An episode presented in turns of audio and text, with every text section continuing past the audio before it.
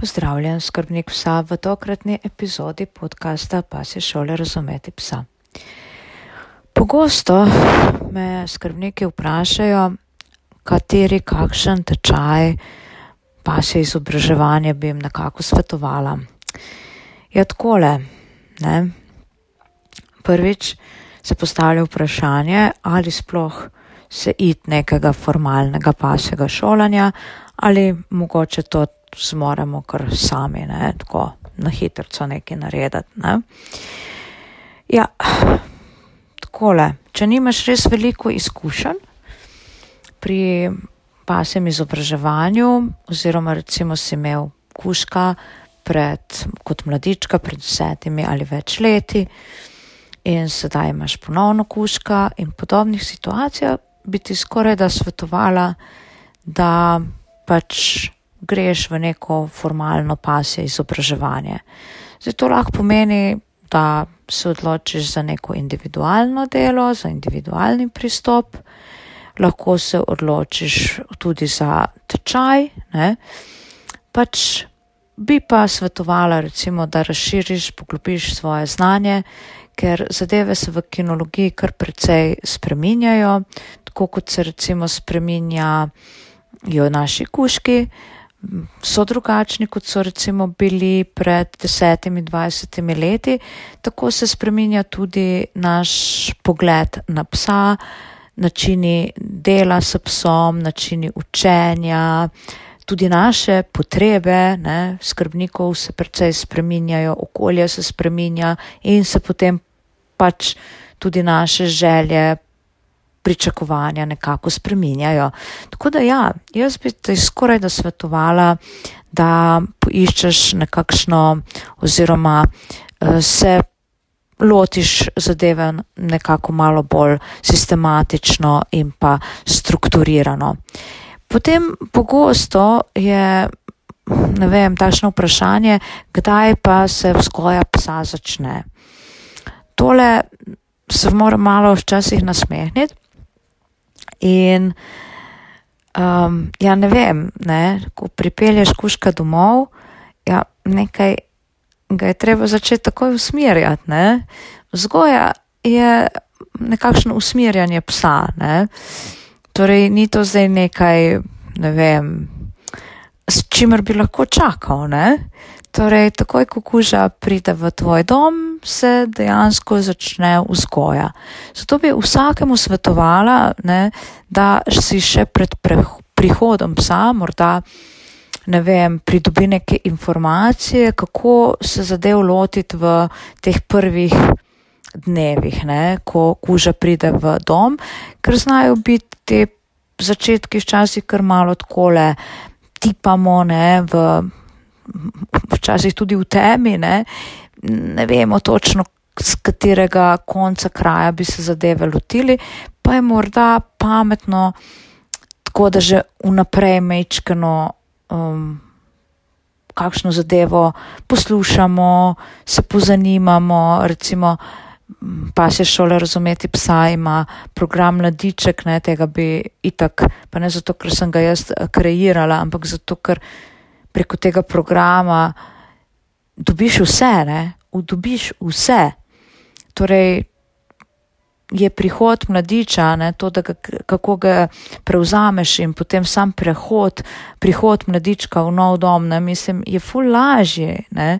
In tudi cenovno so to tako že danes, kar vsaj recimo pri meni, ne, v moji pasji šoli je to tako res pristopna, cenovno pristopna zadeva, ne, vse je spletno, tako da, glej, fajn je, da imaš neka, neko oporo, ne, da ti je lažje, da je manj stresno in da zadevo, predvsem to, da zadevo vodiš v tisto smer, ki bo tebi pa psu na koncu koncu koristila, ne.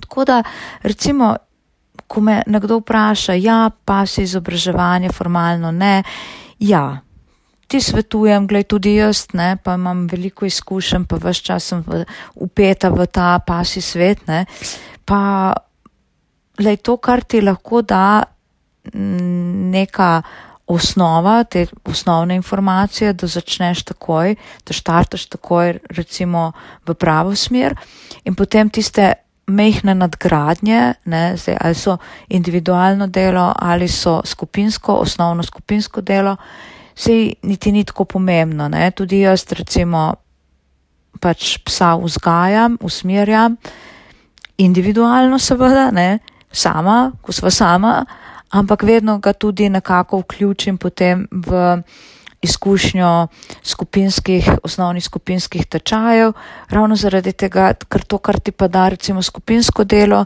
ti pa neko individualen pristop ne more dati. Edino, če se morda znajdeš, pa si znaš sam poskrbeti in nekako oblikovati neke situacije, ki bi s psom vaj potem uh, vedno više postavljale v vajnih sposobnosti, vedno više, ne, da bi bila vedno več sposobna. Ne. Tako da to, dragi moj skrbnik, recimo bi bil moj odgovor, ne, ja, dajmo uh, poskrbeti za osnovo, takoj začnimo psa usmerjati v pravo smer, petmo na kakšen tečaj, ne, pa glej, eden ne bo dovolj, ne. Ali pa bo dovolj, če boš recimo res za veliko, največjo tisto žlico zajemal znanje. Jaz vem, recimo, pri svojih tečajih ne moram uh, in ne želim govoriti o tečajih drugih pasih šol, ne, vendar jaz vem pri svojih tečajih, da na tem osnovnem tečaju, recimo, ki ga imenujem skoja za življenje, na tem osnovnem tečaju, če zajameš znanje za res veliko žlico, še s tem, da recimo po zaključku vsakega srečanja moji pač tečajniki dobijo na dom v elektronski obliki vse zapiske, dobijo domov tudi recimo eh, kratke prispevke, vizualne prispevke, torej da imajo neko uporo za domače delo ne? in te prispevki potem dostopi ostanejo kar nekaj časa uh, tečajnikom na voljo.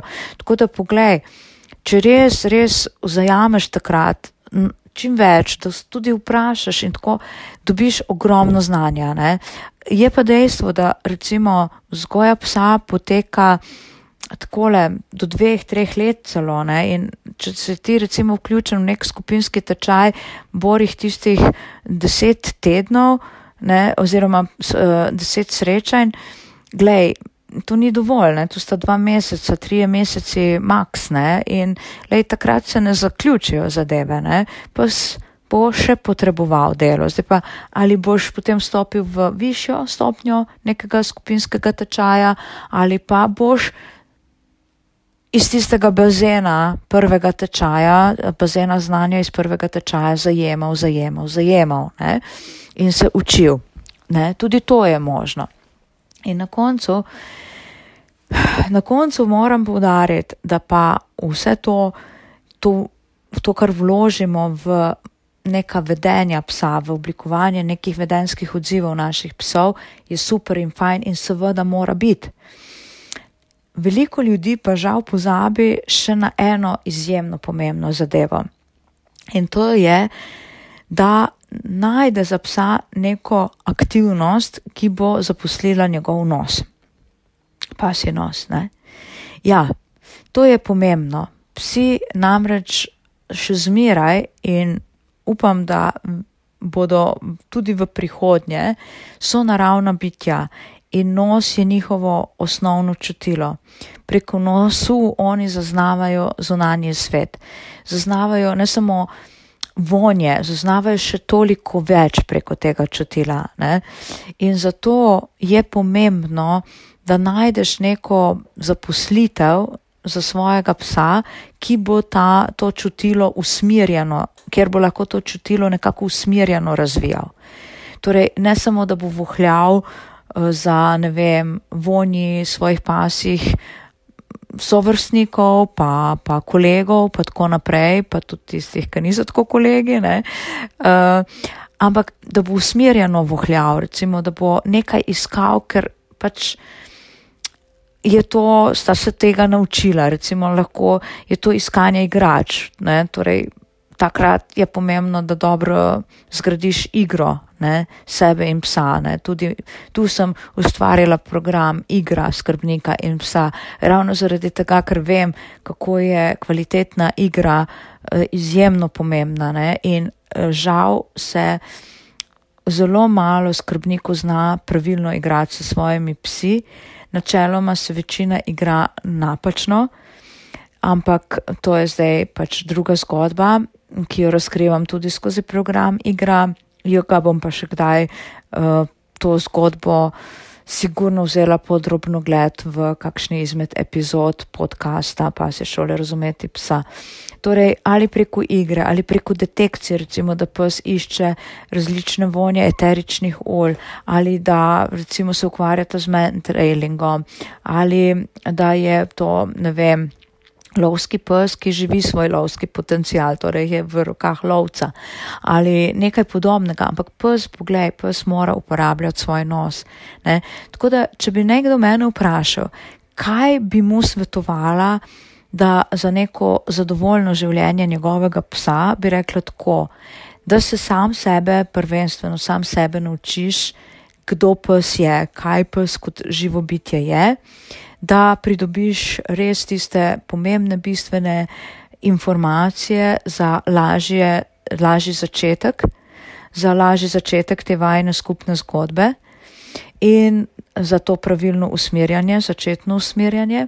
Potem daj, daj neko strokovno pomoč si pri skrbi ali za, ne vem, individualno delo ali se upiši v nek skupinski tečaj. Če slučajno opaziš, da kakšno vedenje psa, že pri mladem psu, da kakšno vedenje psa nimaš toliko pod nekim uh, nadzorom, ne, da ti povzi uh, med prsti, ne, to, te, da ti te vedenski odzivi na, pri, nekem, pri neki zadevi niso ravno najbolj všečni, recimo, da vidiš, da pes se ne odziva, ko ga pokličeš, oziroma da res um, vaju frustrira hoja na povodcu ne, in podobno, da je takoj, ne, ne čakaj, takoj nekoga vprašaj, kako se lahko te zadeve lotiš. Ne.